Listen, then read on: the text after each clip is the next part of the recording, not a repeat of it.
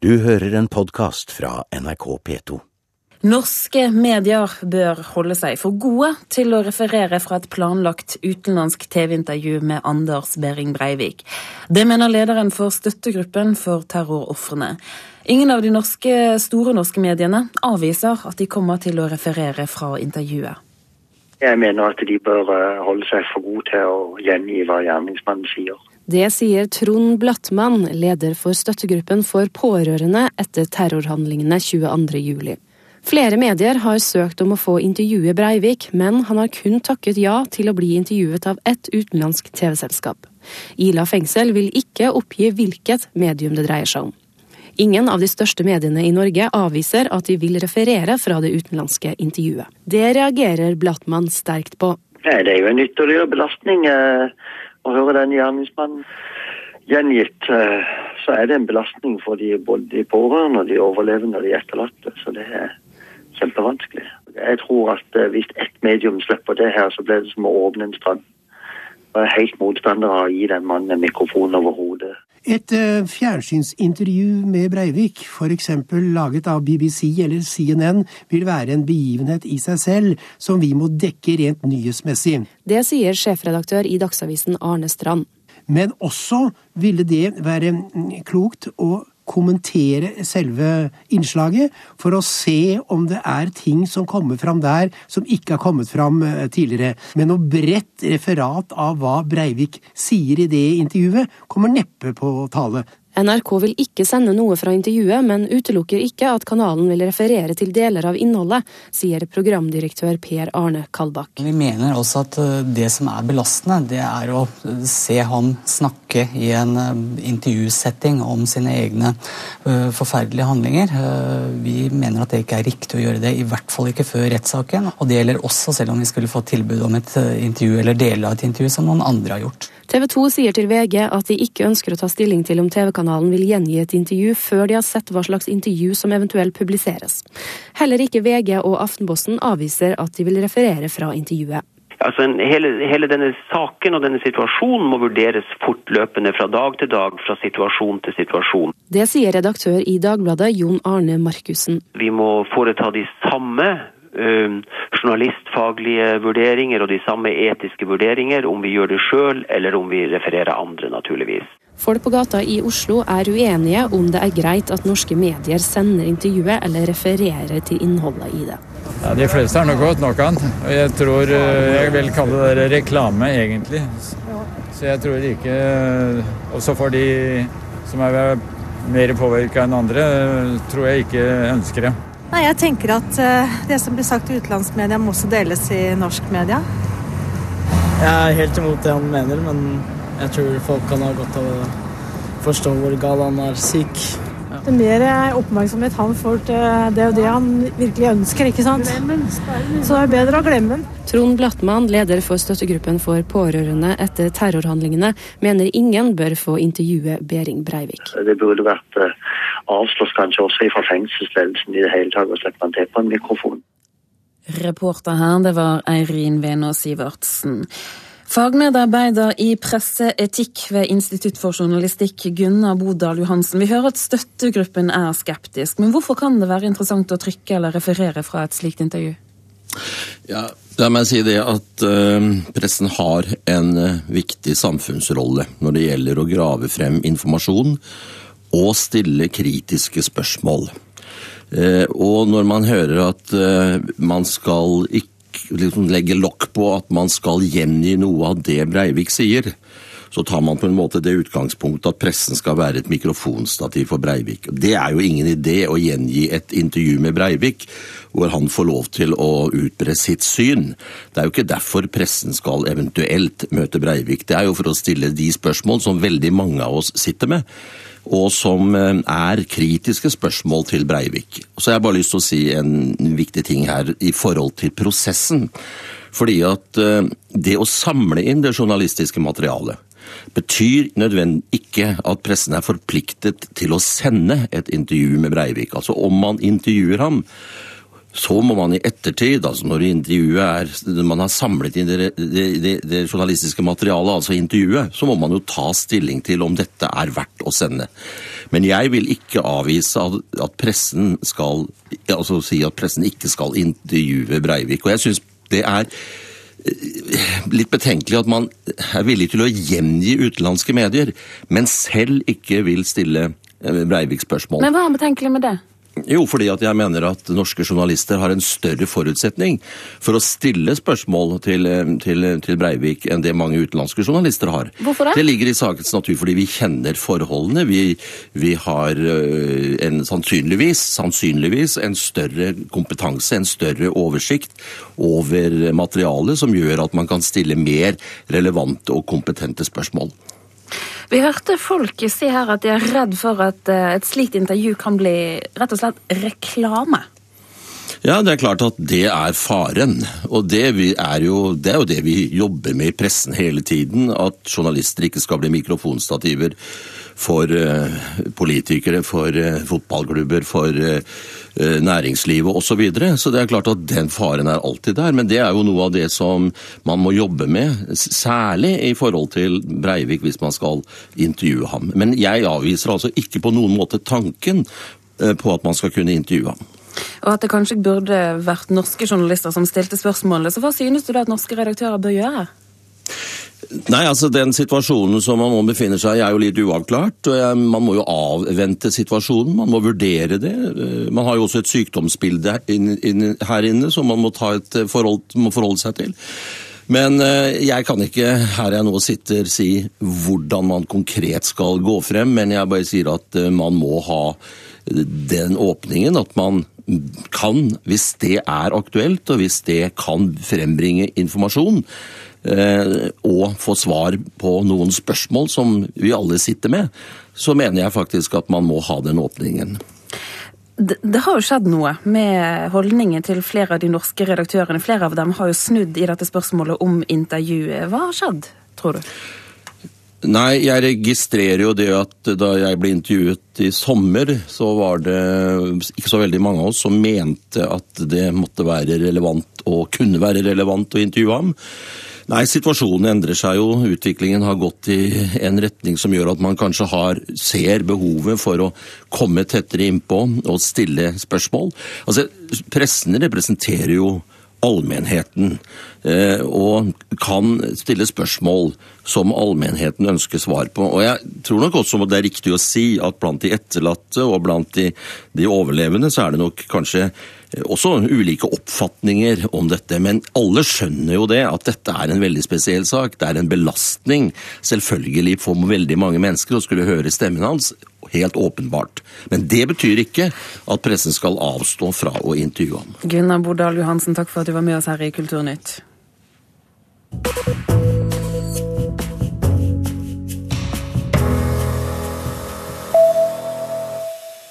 Det er pinlig at Oslo kommune har brukt 70 millioner kroner på et popsenter som kun har hatt drøye 4000 besøkende siden åpningen i november. Det mener Oslo-politiker Andreas Halseth. Han sier til Dagens Næringsliv at senteret har mislykkes i å få til et samarbeid med det etablerte musikklivet i hovedstaden. Kunstnerisk leder ved senteret, Pål Ritter Skjerven, avviser kritikken og sier at det er for tidlig å evaluere prosjektet etter kun to måneder. Språkforskere har funnet fullt av skrivefeil i brevet der Utdanningsdirektoratet foreslår å kutte ut sidemålskarakteren. Brevet er skrevet på nynorsk, og VG har bedt språkforskere Sylfest Lomheim og Klaus Johan Myhrvold om å lese korrektur. De har funnet grove slurvefeil, klønete språk og feil tegnsetting. Seniorrådgiver Tone Vindegg i Utdanningsdirektoratet, som for øvrig har skrevet brevet, sier at hun er glad for tilbakemeldingen, men sier til VG at det viktigste er at man får diskutert innholdet. Dette er Nyhetsmorgen. Klokken den er 8.19. Hovedsaker i dag. Store politistyrker er sendt til Malmö i Sverige etter at en politistasjon ble bombet i natt. Eksotiske spareprodukter er tilbake. Det viser en kartlegging av bankene. Og Bli med oss videre i Kulturnytt, for nå skal vi til Frankrike. Før så var det en ære for en politiker å være med i dette satiriske nyhetsprogrammet Le Petit Journal. De sender hver dag på Kanal Pluss i Frankrike. Men nå blir journalistene beskyldt for å ha jukset, altså rett og slett manipulert virkeligheten, og de risikerer å miste pressekortene sine. Vi skal til våre medarbeidere i Paris. Erik Aasheim, først må vi kanskje si noen ord om hva slags program dette er?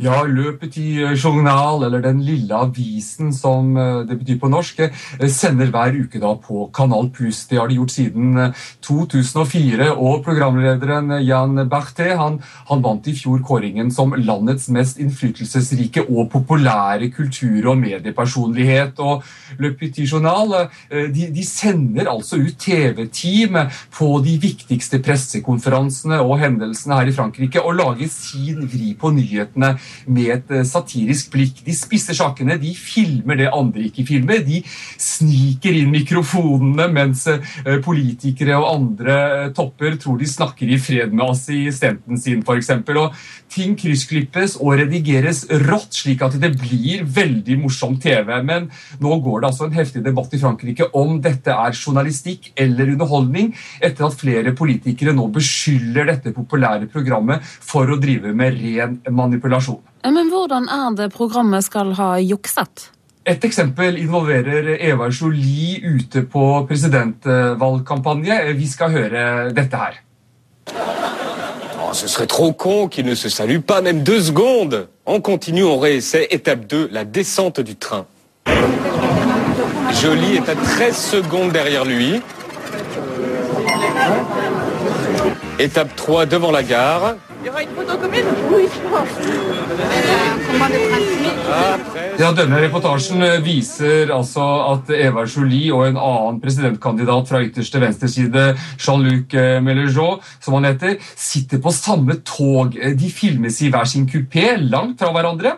De filmes hele dagen, der de nesten møter hverandre. og da med, Så putter programmet piler inn i bildet som viser at her står Mélenchon, og her står Eva Jolie 13 meter unna. Og Poenget da med denne reportasjen er å vise at de to var på samme sted en hel dag uten å hilse på hverandre. Og Programlederen mener at det er idiotisk å være så uhøflig. Eh, noe som ikke var riktig, for Eva Jolie hun sendte ut en melding på Twitter etterpå der hun skrev Utenfor kameraene er det også et liv. Vi både hilste og kysset hverandre mellom to møter. Men, var, men der var altså ikke kameraene til Le Petit Journal. Et annet eksempel er at eh, programmet under et politisk møte til en annen presidentkandidat intervjuet folk før valgmøtet. Men i reportasjen så sa de at eh, folkene var blitt intervjuet etterpå, for deretter å lage en reportasje om at folk ikke hadde skjønt noe av det som ble sagt på møtet. Så, men det er kanskje ikke så rart, da, siden intervjuene valgene ble gjort før selve valgmøtet. Nå er det altså snakk om boikott av flere? Ja, f.eks. kandidaten fra ytterste venstreside, Jean-Luc Mélenchon, han, han, nektet forrige uke å la journalistene fra programmet slippe inn på et valgmøte. og Det lagde selvfølgelig Petit Journal en, en lang reportasje om. Og Det var et møte om arbeidsledighet. og, og, og Jean-Luc Mélenchon han ville ikke at kanalen skulle harselere med arbeidsledige, som han sa. Men eh, da startet virkelig en krig mellom denne kandidaten og programmet. Men det har bare ført til at han nå henges ut daglig i Le Petit Journal. Erik Aasheim, tiden er i ferd med å løpe fra oss, men kort til slutt. Nå er det altså fare for at disse journalistene kan bli fratatt pressekortene sine? Ja, Det nasjonale rådet som utsteder pressekort, skal nå vurdere dette. Lederen for rådet sier at man må se på om dette er journalistikk eller underholdning. Eh, og Programmet Journalister har ennå ikke fått sine pressekort eh, for 2012, noe som betyr at de får problemer med å akkreditere seg til politiske eh, møter. Men uansett, Le Petit Journal er morsomt. Det er en del av den franske satiriske tradisjonen, og programmet har enorm innflytelse. Det er det ikke tvil om. Erik Aasheim, takk for at du var med oss fra Paris.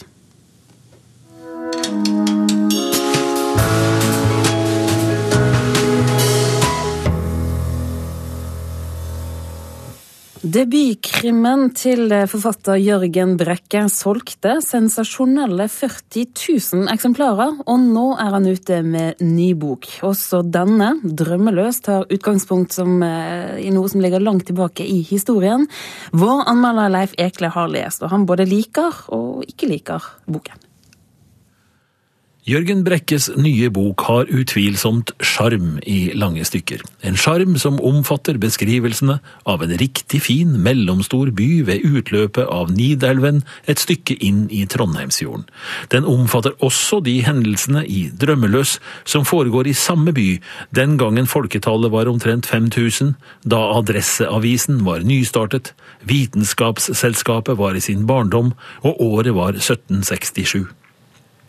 Det har seg nemlig slik at det kom en ung mann til Trondheim det året.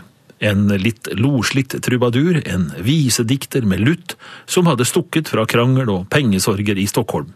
I Trondheim utpå sommeren blir han funnet død i strandkanten ute i Ila, naken, gjennomhullet av noe stort og tungt. Byens politimester Beyer vil ha en forklaring. Samme trubadur har også skrevet en vuggevise, i en stil som kan ligne Bellmans.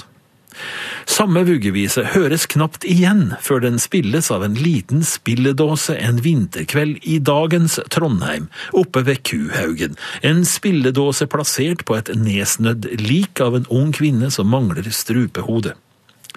Den sterkt hjemsøkte politimannen Odd Singsaker får jobben og støyten. Sist var det et flertall lik uten hud og en morder med svært langt historisk perspektiv. Denne gangen er altså en nesten 250 år gammel vise opphav til dramatikken i nåtid.